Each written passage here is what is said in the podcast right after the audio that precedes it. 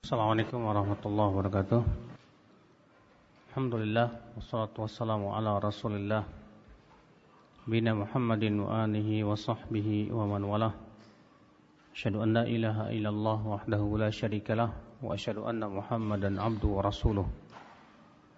Qala Allah Ta'ala fi kitabihil karim Ya ayyuhalladzina amanu taqullaha haqqa tuqatih wa la tamutunna illa wa antum muslimun amma ba'd. Kita lanjutkan hadis 1522. Hadis yang dikeluarkan Imam Ahmad dari jalan Abdullah bin Ja'far bin Abdurrahman bin Al-Miswar bin Makhramah. Ia berkata, "Akhbarani Yazid bin Abdullah bin Usamah bin Al-Had dari Busar bin Sa'id dari Abu Qais Maula Amr bin Al-As. Ia berkata Sami'a Amr bin Al-As rajulan yaqra'u ayatan minal Qur'an. Bahwa Amr bin Al-As pernah mendengar seorang laki-laki membaca suatu ayat dari Al-Qur'an. Faqala man aqra'akaha. Lalu Amr bertanya kepada dia, siapa yang membacakan kepada kamu ayat seperti itu? Qala Rasulullah sallallahu alaihi wasallam. Orang itu berkata, Rasulullah yang membacakanku demikian. Qala faqad aqra'aniha Rasulullah sallallahu alaihi wasallam ala ghairi hadza. Lalu Amr berkata, tapi Rasulullah SAW membacakan kepadaku ayat tersebut tidak seperti itu. Fadhahaba ila Rasulullah SAW. Maka keduanya pun pergilah kepada Rasulullah SAW. Faqala ahaduhuma. Lalu salah satunya berkata kepada Rasulullah. Ya Rasulullah, ayatu kada wa kada. Thumma qara'aha. Wahai Rasulullah, ayat ini dan itu. Kemudian ia membacanya. Kalau Rasulullah SAW hakada unzilat. Maka Rasulullah SAW bersabda demikianlah ayat tersebut diturunkan begitu. Faqala al-akhar lalu yang satunya lagi berkata, Ya Rasulullah faqara'aha ala Rasulullah wasallam. Yang satu berkata, wahai Rasulullah, tapi engkau membacakan kepadaku begini. Lalu kemudian ia pun membacanya.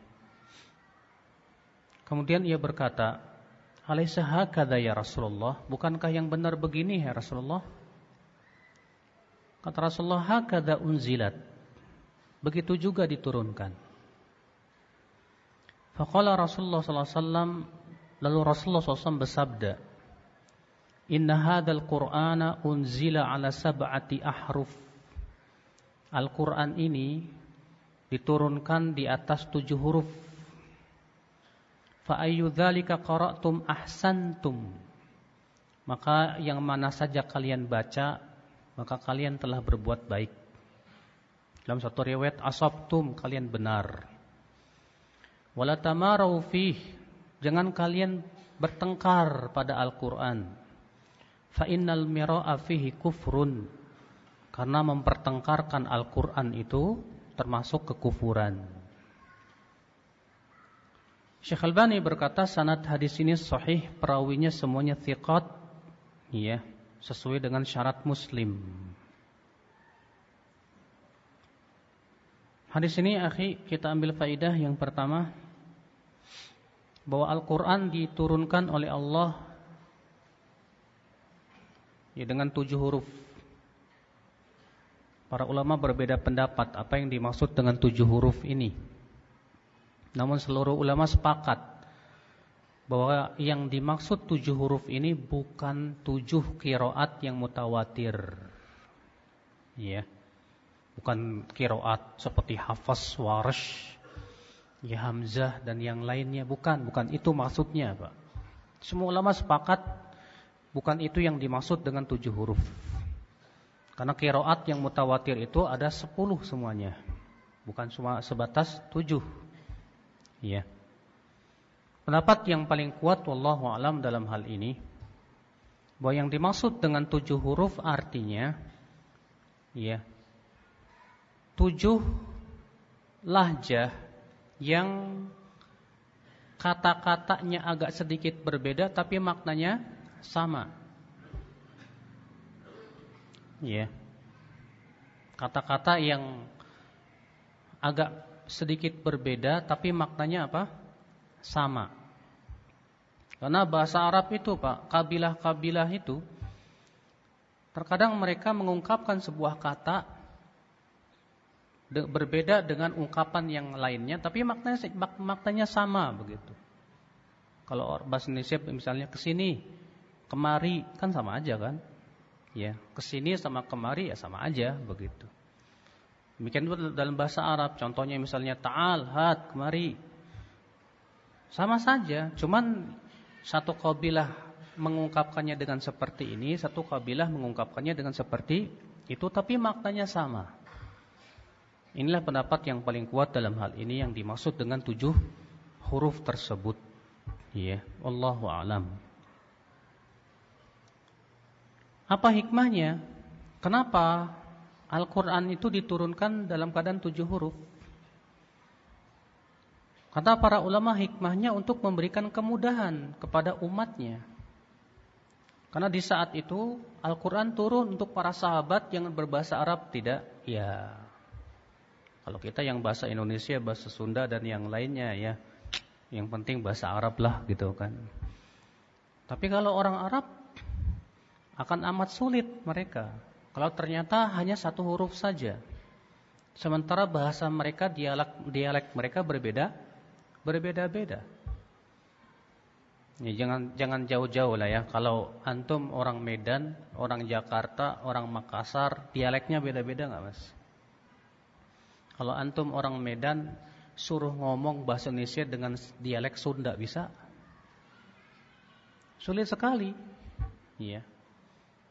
Maka demikian pula dahulu di zaman para sahabat dahulu, ya Rasulullah Wasallam meminta agar Allah menambah Al-Quran menjadi tujuh huruf. Tadinya Allah turunkan satu huruf saja, yaitu dengan dialek dialek Quraisy. Tapi kemudian ya Rasulullah minta ditambah, ditambah, ditambah sampai tujuh, tujuh huruf untuk memberikan kemudahan kepada umatnya. Itu menunjukkan akhi betapa ya Rasulullah SAW sangat sayang kepada umatnya. Allah juga ya tidak ingin menyulitkan umatnya. Allah Taala berfirman, "Wa ma ja'ala 'alaikum fid dini min haraj." Tidaklah Allah menjadikan dalam agama ini sesuatu yang menyulitkan kata Allah Subhanahu wa taala. Hadis ini kita ambil faidah yang kedua ya akhi yang bisa kita petik larangan bertengkar terhadap Al-Qur'an. Maksudnya bertengkar terhadap Al-Qur'an gimana sih? itu mempertengkarkan Al-Quran. Mempertengkarkan Al-Quran ini ada beberapa gambaran ya. Gambaran yang pertama seperti yang ada dalam hadis ini. Satu sahabat membaca Al-Quran sesuai yang ia dengar dari Rasulullah. Satu sahabat lagi mendengar dari Rasulullah SAW juga. Tapi beda dengan yang Rasulullah bacakan kepada sahabat yang ini. Akhirnya mereka bertengkar. Gara-gara itu. Maka Rasulullah melarang. Rasulullah mengatakan bahwa semua yang kalian baca itu demikianlah Allah turunkan. Jangan bertengkar. Makna yang kedua, artinya mempertengkarkan itu artinya Pak, menghantamkan satu ayat dengan ayat yang lain. Pernah beberapa sahabat berdebat dekat-dekat rumah Rasulullah SAW di masjid tentang ayat-ayat takdir. Yang satu membawakan ayat tentang Allah mentakdirkan. Yang satu membawakan ayat tentang bahwa manusia punya kehendak. Akhirnya apa? Suara mereka menjadi tinggi. Berantem istilahnya apa? Bertengkar. Maka Rasulullah SAW pun keluar dari rumahnya dalam keadaan kata sahabat wajahnya merah ya seperti apa namanya buah delima. Kata Rasulullah SAW, Abi hada bu'ithtum. Apakah untuk ini kalian diutus? Ya, kalian mem memukulkan satu ayat dengan ayat yang lainnya, padahal kedua ayat tersebut tidak tidak bertabrakan. Rasulullah SAW melarang. Artinya kenapa kalian tidak tanya kepada siapa? Rasulullah. Tanya kepada ahlinya. Sebab kalau antum ya cabut ayat ini, cabut ayat ini, seakan-akan apa Pak? Seakan-akan memberikan kesan bahwa Al-Quran apa? Bertabrakan. Padahal Al-Quran bertabrakan tidak? Tidak. Allah subhanahu wa ta'ala berfirman, Afala yatadabbaruna al-Quran, walau kana min indi ghairillahi lawajadu fihi ikhtilafan kathira. Tidakkah mereka mentadaburi Al-Quran? Kalaulah Al-Quran itu berasal dari selain Allah, maka mereka akan mendapatkan dalam Al-Quran apa? Pertentangan yang banyak. Maka kalau ada orang yang mempertengkarkan Al-Quran, yang satu cabut ayat ini, yang satu cabut ayat ini, kemudian dihantamkan begitu Pak. Berarti sama saja dia menganggap bahwa Al-Quran apa? Saling bertentangan, saling bertabrakan. Padahal tidak. Seharusnya dalam keadaan seperti itu serahkan kepada siapa? Kepada alimnya. Biarkan alimnya yang akan mengkompromikan dua ayat tersebut. Karena hakikatnya Al-Quran dan hadis tidak saling bertabrakan sebetulnya. Cuman pemahaman kita saja yang belum sampai. Nah inilah akal Islam azan ya Allah wa iyakum. Bahkan di sini Rasulullah SAW mengatakan bertengkar tentang Al-Quran itu kufur kata Rasulullah SAW. Ya, mengerikan. Dan di sini kita ambil faidah, akhi, larangan berdebat dengan tanpa ilmu. Sebab kalau berdebat dengan tanpa ilmu akan mengakibatkan pertengkaran nantinya. Comot ayat, comot ayat padahal ayat itu tidak bertabrakan sebetulnya tapi karena kurang keilmuannya akhirnya menabrak-nabrakan Al-Qur'an ini jelas tidak dibenarkan. Iya.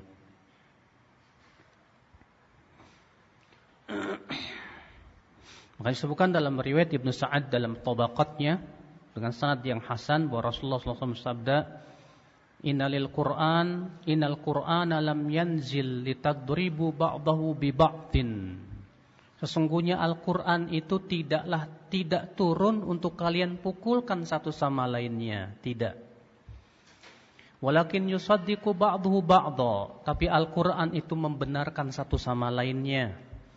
Fama araftum minhu fa'malu bih. Maka apa yang kalian telah ketahui ilmunya, amalkan. Wa ma tashabaha 'alaikum fa'aminu bihi.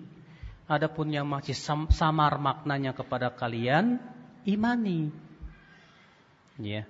Ini menunjukkan, Pak, kewajiban kita untuk mengambil ayat-ayat yang sudah jelas maknanya. Adapun ayat-ayat yang belum jelas maknanya, kewajiban kita apa?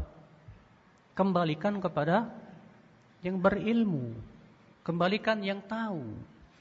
Jangan sampai kita mencari-cari ayat-ayat yang mutasyabihat. Untuk apa? Untuk menolak ayat-ayat yang muhkamat. Ini biasanya kebiasaan ahli bid'ah ini, Pak. Makanya Allah Subhanahu wa taala berfirman dalam surat Ali Imran apa? فأما الذين في قلوبهم زيغ فيتبعون فيتبعون ما تشابه منه ابتغاء الفتنة وابتغاء تأويله kata Allah. Adapun orang-orang yang ada dalam hatinya apa? Kecondongan kepada kesesatan. Maka mereka mengikuti ayat-ayat mutasyabihat. Kenapa? Karena mengharapkan fitnah. Ya. Yeah. Kata Rasulullah SAW apa? Hai Aisyah, kalau kamu melihat ada orang yang kerjaannya seperti itu, nyari-nyari ayat-ayat mutasyabihat untuk menolak ayat-ayat yang sudah jelas muhkamat, maka hati-hati, waspada. Itu orang pengikut hawa nafsu. Iya. Makanya akhi, ciri pengikut hawa nafsu itu apa? Ciri pengikut hawa nafsu itu dia ngamalin dulu sesuai dengan selera, dia meyakini dulu sesuai dengan selera, Baru cari-cari pembenaran dari Al-Quran dan hadis. Kalau pengikut dalil enggak? Dia akan periksa dulu dalilnya. Dia akan lihat dulu. Setelah dia yakini akan kebenarannya, kebenaran dari ayat dan hadisnya, kesahihannya dan pemahamannya, baru diamalkan. Berarti ini orang pencari dalil. Kalau pengikut hawa nafsu enggak begitu, Pak. Pengikut hawa nafsu itu ya dia beragama sesuai dengan seleranya aja udah. Dia beragama sesuai dengan apa yang dia pandang baik aja. Menurut dia baik ya baik. Lalu kemudian cari-cari pembenaran. Maka orang kayak ginian itu tanda dia itu pengikut hawa hawa nafsu. Nasallahu salamata wal afiyah. Hadis 100 1523 Hadis yang dikeluarkan Imam At-Tabrani dan Al-Hakim dan Abdiya dalam Al-Mukhtarah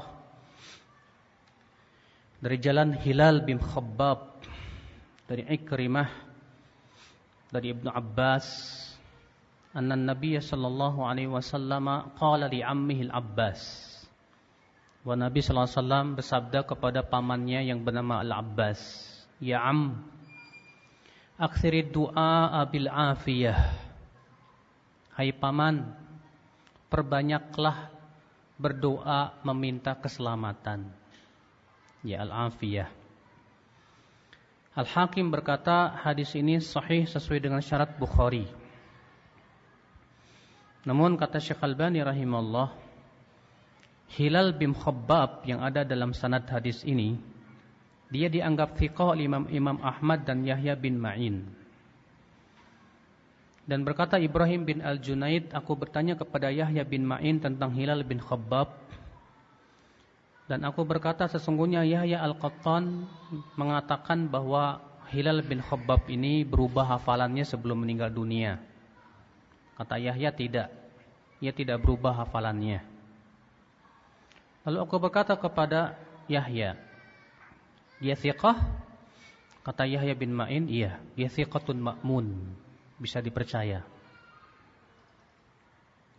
Namun kata Syekh Albani, kalau kita kumpulkan perkataan para ulama jarh wa ta'dil, akan tampak bahwa Hilal bin Khabbab ini sedikit berubah di akhir hayatnya. Iya. Oleh karena itu Al-Hafidh Ibnu Hajar dalam kitab Fathul Taqribut Tahdzib berkata, "Saduq" ya seorang yang sangat jujur saduk taghayyara bi akhirah bi akhirih namun di akhir hayatnya berubah. Dan Hilal bin Khabbab ini tidak apa bukan perawi yang dikeluarkan oleh Imam Bukhari dalam sahihnya. Oleh karena itu perkataan Al-Hakim yang mengatakan bahwa hadis ini sahih sesuai dengan syarat Bukhari tidak benar. Kenapa? Karena syarat dikatakan sesuai dengan syarat Bukhari kalau perawi-perawinya itu dikeluarkan oleh Imam Bukhari di dalam sahihnya muhtajjan bih dalam keadaan dijadikan hujah. Tidak setiap perawi yang disebutkan dalam sahih Bukhari itu Pak kita katakan dia sesuai dengan syarat Bukhari. Nah, terkadang Imam Bukhari mengeluarkan perawi tersebut dalam sahihnya dalam pokok hadis dan terkadang beliau keluarkan hanya sebatas untuk mutabaah saja, penguat saja. Maka kalau perawi itu dikeluarkan Imam Bukhari dalam sahihnya sebagai penguat saja, tidak boleh dikatakan sesuai dengan syarat Bukhari. Bagaimana kalau ternyata Imam Bukhari tidak mengeluarkan sama sekali dalam sahihnya? Maka tidak boleh dikatakan sesuai dengan syarat Al-Bukhari. Maka kata Syekh Albani, jadi hadis ini hasan. Kenapa? Karena sudah kita sebutkan tadi Hilal bin Khabbab ini saduk. Dan perawi yang disebut dengan perawi yang saduk itu hadisnya apa? Hasan. Iya.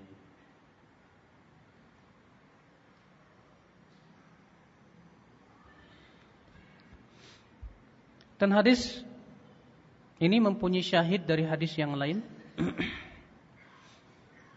yang dikeluarkan Imam Bukhari dalam Al-Adabul Mufrad.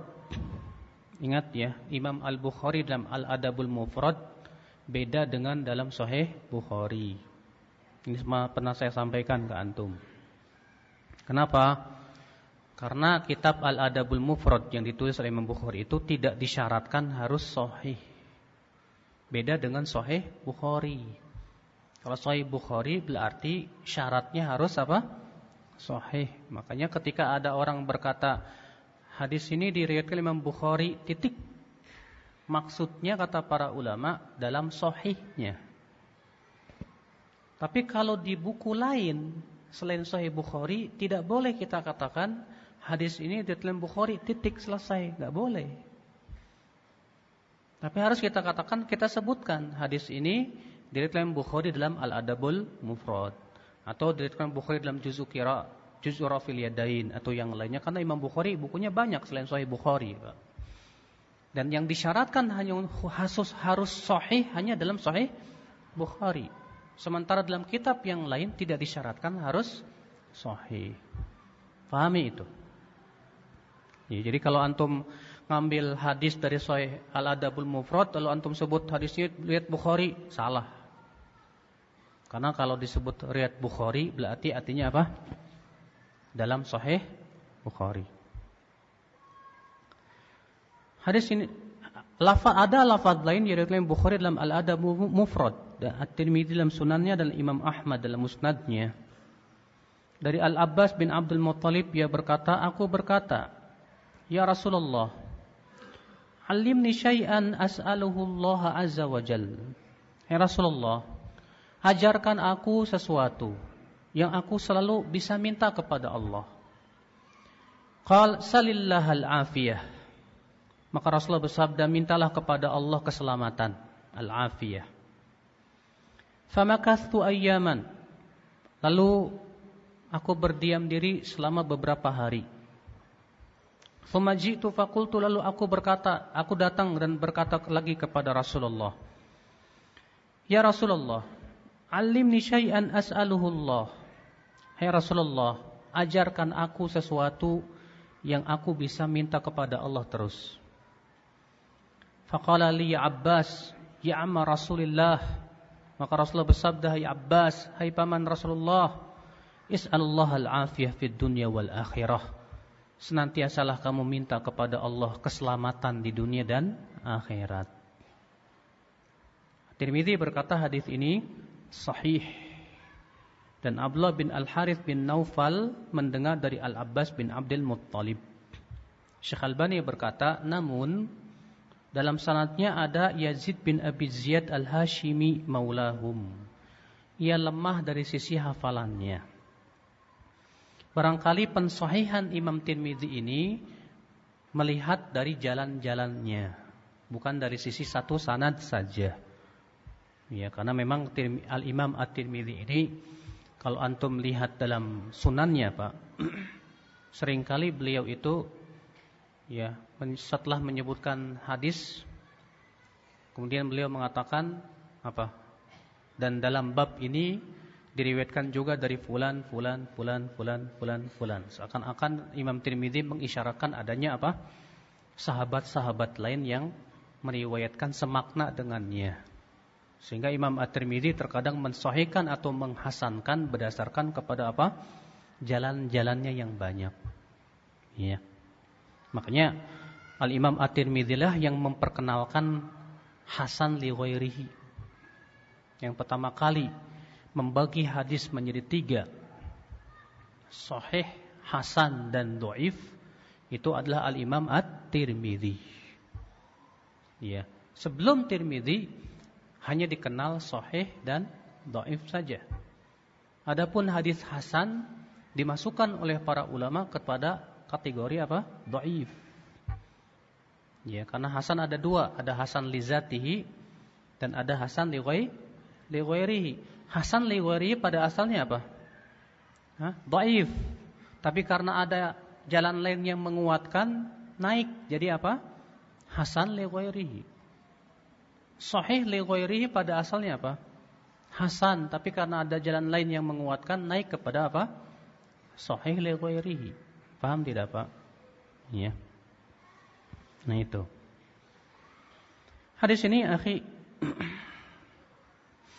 kita ambil faidah anjuran untuk memperbanyak minta kepada Allah keselamatan. Al-afiyah. Apa yang dimaksud dengan keselamatan, Pak? Itu keselamatan di dunia dan akhirat. Selamat dari apa? Rasulullah tidak menentukan selamat dari apa. Kenapa? Supaya maknanya umum, mencakup seluruh keselamatan. Selamat dari penyakit, selamat dari syubhat, selamat dari syahwat, selamat dari fitnah, selamat dari berbagai macam hal yang bisa merusak iman kita. Ya selamat dari mara petaka, mara bahaya dan yang lainnya. Jadi ini Masya Allah Pak, keselamatan itu luar biasa Pak. Selamat dari syubhat, Masya Allah. Selamat dari pemikiran sesat. Selamat dari apa mengikuti hawa nafsu. Selamat dari rusaknya keimanan kita. Selamat dari maksiat-maksiat. Masya Allah. Makanya tidak ada sesuatu yang lebih baik dari bagi seorang hamba dari keselamatan. Keselamatan di dunia dan akhirat. Makanya Rasulullah SAW mengajarkan doa setiap pagi dan petang apa? Allah ma'afini fi badani. Allah ma'afini fi sam'i. Allah ma'afini fi basari. La ilaha illa ant. Ya Allah selamatkan badanku. Ya Allah selamatkan penglihatanku. Ya Allah selamatkan pendengaranku. Juga Rasulullah mengajarkan Allahumma inni as'alukal afwa wal afiyah fid dunya wal akhirah. Allahumma inni as'alukal afwa wal afiyata fi dini. Terus wa ma'ashi. Hah? Wa ma'ashi bukan wa ma'asi. Apa? Allahumma inni as'alukal afwa wal afiyata fi dini. Siapa yang hafal, Pak? Wa dunyaya wa mali Hah? Wa ahli wa mali. Allahumma inni as'aluka al-afwa wal afiyata fid dunya wal akhirah. Allahumma inni as'aluka al-afwa wal afiyata fi dini wa dunyaya wa ahli wa mali. Ya Allah, aku minta kepada Engkau maaf dan selamat. Ya, di dunia dan akhirat. Ya Allah, aku minta kepada Engkau maaf dan keselamatan dalam agamaku, dalam duniaku, dalam keluargaku, dalam hartaku, masya Allah. Bayangkan ini doa luar biasa, Pak. Mencakup keselamatan di dunia dan akhirat, keselamatan dalam agama kita, dalam dunia kita, dalam keluarga kita, dalam harta kita. Ini penting sekali ya, akhwat Islam azan ya Allah wa Nah ini, maka Rasulullah SAW menganjurkan ya untuk banyak-banyak minta keselamatan kepada Allah Subhanahu wa taala. Maka banyak-banyaklah kita minta kepada Allah keselamatan di dunia dan akhirat.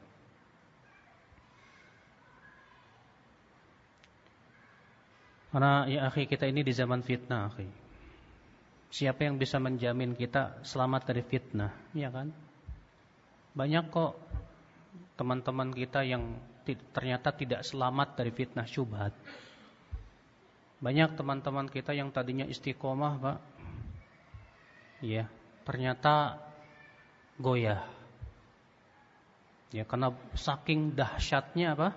Fitnah. Fitnah syahwat dahsyat di zaman sekarang nih Pak. Fitnah lawan jenis akhwat. Hatta antum udah ngaji, Masya Allah. Terkadang kita mendengar ada ikhwan, akhwat udah ngaji, tapi ya gitu Pak. Ya pacaran dan yang lainnya. Itu ada seperti itu. Makanya penting sekali kita minta Allah kepada Allah keselamatan. Hadis 1524 Hadis yang dikeluarkan Imam At-Tirmidzi dan Al-Baihaqi dalam Syu'abul Iman. Dan Ibnu Asakir dari jalan Hammam ia berkata haddatsana Muhammad bin Jahadah dari Abdurrahman bin Sarwan dari Al-Huzai al, dari Al-Hazil dari Abu Musa dari Nabi sallallahu alaihi wasallam bersabda Iksiru qasiyakum yakni fil fitnah. Waqta'u autarakum walzamu ajwafal buyuti wa kunu fiha kal khayr min ibnai adam.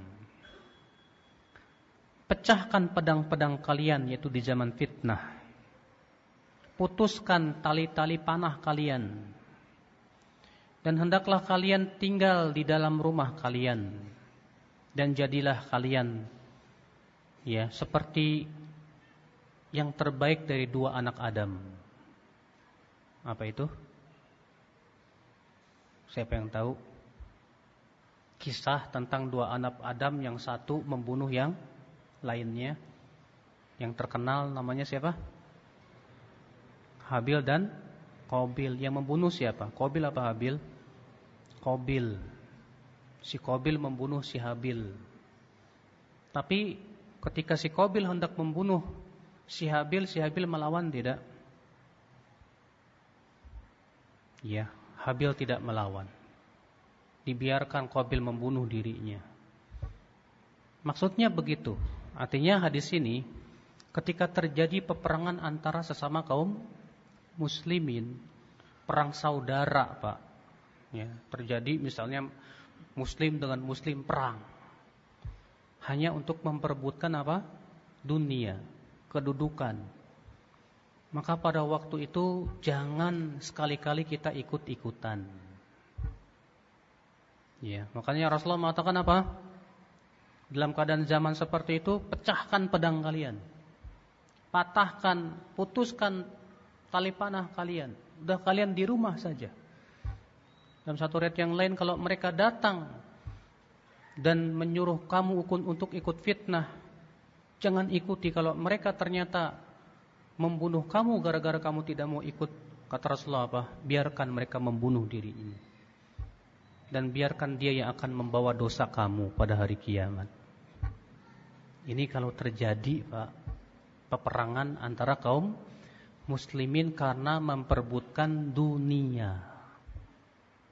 Ya, karena memperebutkan kedudukan, karena memperebutkan harta dan yang lainnya.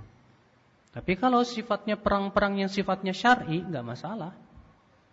Contoh misalnya kalau ada suatu daulah Islam kemudian ada yang memberontak ingin ya melengsarkan kekuasaan pemimpin muslim yang sah.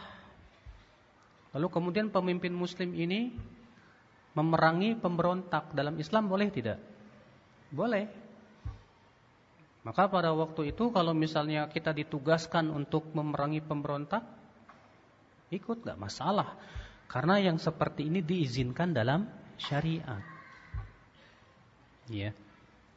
Kalau memang sesuai syarat-syaratnya terpenuhi. Tapi kalau misalnya perangnya nggak jelas, karena apa? Ya, yang satu berperang, yang satu punya pasukan, ternyata hanya sebatas memper, memperebutkan apa? Kedudukan, Pak. Dulu Pak, ketika Afghanistan dikuasai Soviet, seluruh kaum muslimin bersatu jihad melawan Soviet itu Pak. Seluruh ulama sepakat itu jihad. Setelah Soviet mundur, apa yang terjadi Pak? Sesama kaum muslimin perang gantian. Memperebutkan apa? Kue. Ya. Maka pada waktu itu para ulama semuanya ya berfatwa tidak boleh ikut karena itu namanya perang fit fitnah memperebutkan kedudukan kalau sudah seperti ini dah karena dunia bukan karena Allah Subhanahu wa taala maka di saat itu jangan ikut-ikutan kalau kita ternyata dibunuh gara-gara kita nggak mau ikut biarkan kita dibunuh kata Rasulullah SAW biarkan dia yang akan membawa dosanya di sisi Allah Subhanahu wa taala. Iya. Iya. Hadis 1525. Hadis yang dikeluarkan Ibnu Adi dalam Al-Kamil, At-Tabrani, As-Silafi dalam Al-Mu'jam As-Safar, Mu'jam As-Safar Demikian pula dikeluarkan oleh Ibnul Jauzi dalam Dhammul Hawa. Dari jalan Fadal bin Jubair aku mendengar Abu Umamah Al-Bahili berkata aku mendengar Rasulullah SAW bersabda Ukfulu li bisittin akfulu lakum al-jannah akful lakum al-jannah. Jaminlah untukku enam perkara Siapa yang bisa menjamin enam perkara aku akan jamin ia dengan surga Idza haddatsa ahadukum fala yakdzib. Yang pertama, apabila salah seorang dari kalian berbicara, jangan berdusta. Wa idza tumina fala yakhud. Yang kedua, apabila diberikan amanah, jangan berkhianat. Yang ketiga, wa idza wa'ada fala yukhlif. Apabila ia berjanji, janganlah ia tidak menepati. Wa ghuddu absarahum. Yang keempat, tundukkan mata kalian. Tundukkan pandangan kalian. Wa kufu aydiyakum. Yang kelima, tahan tangan kalian. Wahfadhu furujakum dan yang keenam, jagalah kemaluan kalian. Hadis ini akhir di dalam sanatnya ada Fadl bin Jubair. Ibn Hibban berkata tidak boleh dijadikan hujah sama sekali. Karena ia meriwayat, sering meriwayatkan hadis-hadis yang tidak ada asalnya. Syekh Albani berkata tapi hadis ini mempunyai penguat dari Ubadah bin Samit yang bisa menjadi kuat dengannya. Itu di nomor 1470 yang telah lewat. Ya dan itu hadisnya Hasan. Kemudian Imam Tobroni meriwayatkan dari jalan Al-Ala bin Sulaiman Ar-Raqi dari Al-Khalil bin Murrah dari Abu Ghalib dari Abu Umamah secara marfu dengan lafaz begini. La tadhimu inda qismati mawarithikum wa ansifun nas min anfusikum wala tajbu wala tajbunu inda qitali aduwikum wala taghullu ghanaimakum wamna'u dhalimakum min Jangan kalian menzolimi, berbuat zolim ketika pembagian warisan. Bersikap adilah terhadap manusia, terhadap diri kalian. Dan jangan pengecut ketika memerangi musuh kalian. Jangan bersikap gulul terhadap gonimah kalian. Dan cegahlah orang-orang zolim untuk menzolimi orang lain. Namun kata Syekh Al-Bani, dalam sanadnya ada Al-Ala dan gurunya keduanya dhaif. Itu tambahan dari hadis yang pertama. Tapi ya akhi, yang kita akan bahas yaitu hadis 1525 tadi. Rasulullah SAW mengatakan, jaminlah untukku enam perkara. Aku akan jamin untuk kalian surga, masya Allah. Artinya siapa yang bisa menjamin bisa melaksanakan enam perkara ini, maka Rasulullah akan jamin untuk kita surga. Cuma masalahnya susah nih Pak. Yang pertama apa tadi? Apabila berbicara jangan dusta. Antum suka dusta enggak? Sama istri? Kadang banyak suami, Pak, menganggap dusta sama istri itu boleh secara mutlak. Ini salah. Ke mana, Mas? Kantor. Padahal enggak. Kamu di mana sekarang? Di kantor, padahal di jalan. Dengan alasan apa? Ya Rasulullah mengatakan boleh kok berdusta sama istri. Kata para ulama, larangan dusta sama istri itu tidak secara mutlak. Yang dimaksud berdusta kepada pasangan artinya yang menambah rasa cinta. Bukan malah menimbulkan rasa curiga. Ya. Adapun kalau menimbulkan rasa curiga haram nggak boleh. Coba bayangkan kalau istri antum tahu ternyata antum bohong. Akhirnya semenjak itu istri antum nggak percaya lagi sama antum. Setiap antum ngomong nggak dipercaya sama istri gara-gara antum berdusta. Kan nggak benar, Pak. Makanya yang dimaksud dengan dusta yang disebutkan dalam hadis itu maksudnya apa? Ingin menimbulkan rasa cinta, alias gombal-gombal dikit lah gitu ya. Itu maksudnya ya, Kalau kalian berbicara jangan berdusta. Yang kedua apa? Kalau diberikan amanah, jangan apa? Apa yang dimaksud dengan amanah? Amanah di sini banyak. Amanah ter terkadang berupa titipan. Antum dititipi orang apa? Ya barang, maaf, saya nitip ya. Antum jaga harus dengan amanah itu. Jangan disia-siakan. Amanah terkadang berupa apa? Kedudukan. Antum dipilih sebagai ketua kelas, antum dipilih sebagai ketua DKM, antum dipilih sebagai bendahara, antum dipilih sebagai seksi dakwah, antum dipilih sebagai antum kira itu bukan amanah. Amanah bukan? Amanah. Iya. Banyak di antara kita yang tidak amanah ya. Ya karena ah cuman ketua DKM ah, ini kok dikiranya ketua DKM bukan amanah, itu amanah berat itu di mata Allah juga. Semua yang namanya kepemimpinan sekecil apa pun tetap itu akan ditanya oleh Allah Subhanahu Subhanahu wa taala. Yang ketiga apa? Dan apabila berjanji tidak janganlah tidak menepati. Berusaha kalau kita janji.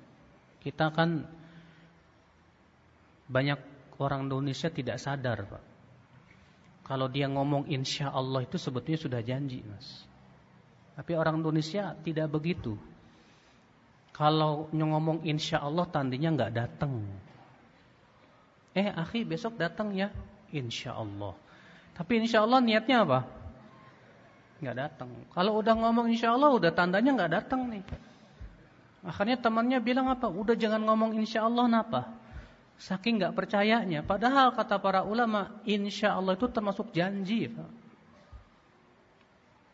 Bahkan kalau kita bilang saya besok datang, kemudian kita tidak menyebut insya Allah, dilarang oleh Allah. Allah mengatakan apa? Wala taqulanna li syai'in. Dalam surat apa? Al-Kahfi. Wala taqulanna li syai'in inni fa'ilun dzalika ghadan illa ayyasha Allah.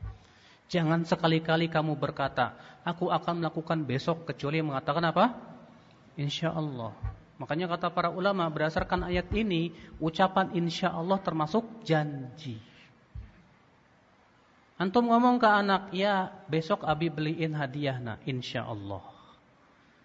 Antum udah ngomong insya Allah wajib antum beliin. Kalau enggak antum tidak menepati janji dan tidak menepati janji itu bukan dosa kecil pak. Itu dosa besar. Kenapa? Karena itu termasuk perangai kemunafikan kata Rasulullah SAW. Ya, ini kalau kita ngomong insya Allah, ya udah, berarti janji. Ya, makanya beda ya kalau orang Arab Saudi dengan orang Indonesia beda. Orang Arab Saudi kalau nggak nyebut insya Allah, tandanya nggak datang, pak. Tapi kalau dia nyebut insya Allah, insya Allah pasti datang tuh orang. Kalau kita kebalikan, kalau ngomong insya Allah, tandanya apa? nggak datang gitu. Iya, ini nggak benar tentunya ya. Yang keberapa? Yang keempat? Eh, nggak berapa? Yang keempat apa? Tuntukan pandangan. Oh ini yang berat nih Pak nih zaman sekarang. Iya, karena banyak apa namanya di zaman sekarang ini masya Allah. Ikhwan-ikhwan nih kalau lewat akhwat nih ya. Itu matanya susah banget tuh, Pak. Ya. Akhwat lewat. Apalagi akhwatnya Masya Allah gitu kan. Kenapa ya? Mantep, mantep. Ya. Kata Allah tundukkan pandangan. Ya Rasulullah SAW mengatakan wawudu absarakum, tundukkan pandangan. Dan menundukkan pandangan itu kata Ibnu Qayyim manfaatnya luar biasa membeningkan hati, menajamkan firasat, menajamkan pemahaman. Ya. Makanya orang yang matanya jelalatan tuh, Pak, pemahamannya nggak tajam. Hatinya kotor. Ya. Wa kufu aydiyakum yang kelima, tahan tangan kalian. Tahan dari apa? Dari berbuat keburukan. Zaman sekarang Terkadang kita tidak menyakiti dengan Tapi dengan ngetik, Pak. Pakai jempol itu. Ya, di Facebook, di media sosial, ngebully dan yang lainnya. Mengerikan, Pak.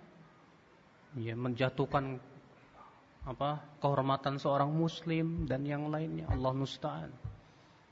Tahan tangan kalian dari memukul, dari menzolimi orang, dari mengambil harta yang bukan hak kita dan yang lainnya. Dan yang terakhir apa? Dan jaga kemaluan kalian. Ya. Jangan sampai diletakkan pada perkara yang haram. Hadis 1526.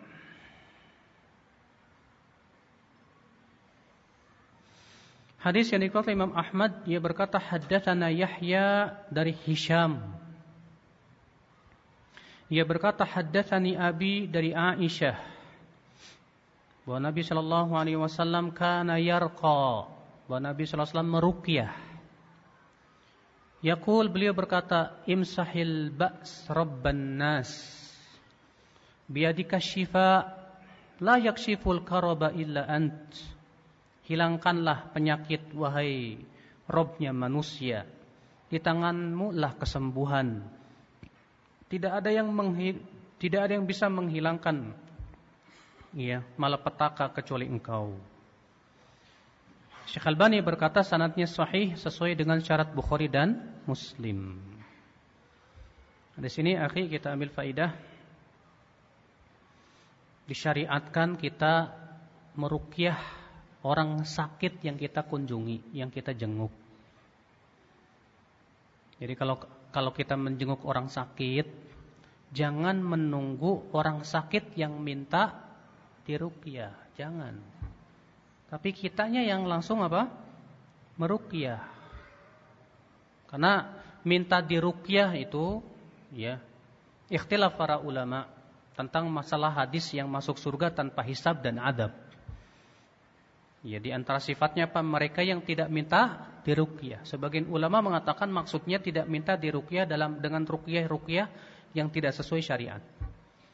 Sebagian ulama mengatakan memutlakan tidak. Mutlak artinya tidak boleh minta diruqyah. Ini pendapat Syekh bin Bas dan ulama-ulama yang lainnya. Iya. Nah, kalau kita perhatikan perbuatan malaikat Jibril, Rasulullah SAW, mereka kalau menjenguk orang sakit langsung diruqyah. Pernah malaikat Jibril mendatangi Rasulullah yang sedang sakit. Kemudian malaikat Jibril berkata, "Ishtakaita ya Muhammad? Engkau sakit hai Muhammad?" Kata Rasulullah, "Iya."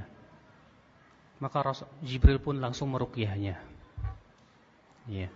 Rasulullah juga pernah mendatangi seorang sahabat yang sedang sakit. Maka Nabi pun langsung meruqyahnya. Ya. Nah itu jadi disyariatkan kalau kita menjenguk orang sakit itu Pak, kita rukyah dia. Ya, kita rukyah. Nah di antara doa rukyah ini Imsahil ba's rabban nas biyadika syifa la yakshiful karaba illa ant. Atau dengan lafaz lain adhibil ba's rabban nas ishfi anta syafi la shifaa illa shifa'uk shifaan la yughadiru saqama. Ya. Ini namanya ruqyah, ya. Hadis 1527. Hadis yang dikeluarkan Abu Ishaq Al-Harbi dalam Gharibul Hadis dari Husain bin Ali dari bin, Jab, bin Jabir dari Abu Al-Ash'ath dari Aus bin Aus secara marfu' Bahwa Nabi sallallahu alaihi wasallam sabda, "Aktsiru alayya minas shalah yaumal jumu'ah." Perbanyaklah bersalawat kepadaku pada hari Jumat. Fa inna salatakum ma'rudatun alai. Karena salawat kalian akan ditampakkan kepadaku. Qalu kaifa tu'rad 'alaika wa qad aramta? Para sahabat berkata, "Ya Rasulullah, bagaimana salawat itu akan ditampakkan kepada engkau sementara engkau sudah menjadi tulang belulang dalam kuburan. Qal maka Rasulullah SAW sabda, Inna Allah Ta'ala harrama 'alal ardi an ta'kula ajsadal anbiya. Sesungguhnya Allah mengharamkan bumi untuk memakan jasad para nabi. Ya. Syekh Albani berkata sanadnya sahih. Di sini menunjukkan akhi yang pertama anjuran memperbanyak solawat pada hari Jumat. Ya. Jadi di hari Jumat itu memperbanyak solawat. Kalau malamnya, ya. Apakah di malam Jumat juga disyariatkan? Kata Ibnu kata Al Hafidh Ibnu Hajar, penyebutan kata hari ini sifatnya lil ghalib. Sehingga di malam hari pun tetap dianjurkan. Ya. Hadis ini kita ambil faidah Pak bahwa jasad para nabi itu tidak dimakan bumi. Namun bukan berarti hadis ini pengkhususan tidak. Nabi tidak mengkhususkan. Nabi hanya mengabarkan bahwa para nabi itu jasadnya tidak dimakan bumi. Ya. Apakah berarti selain nabi tidak dimakan? Mafhumnya tidak demikian. Kenapa? Karena kita melihat kenyataan jasad para sahabat juga tidak tidak hancur.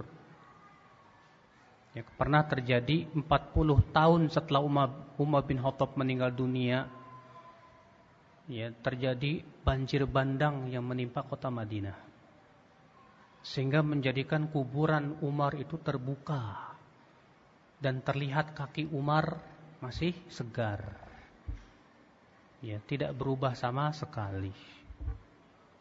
Ya. Makanya terkadang kita mendapatkan sebagian mayat di zaman sekarang setelah 20 tahun, setelah 40 tahun, pasti bongkar lagi kuburannya masih utuh, Pak.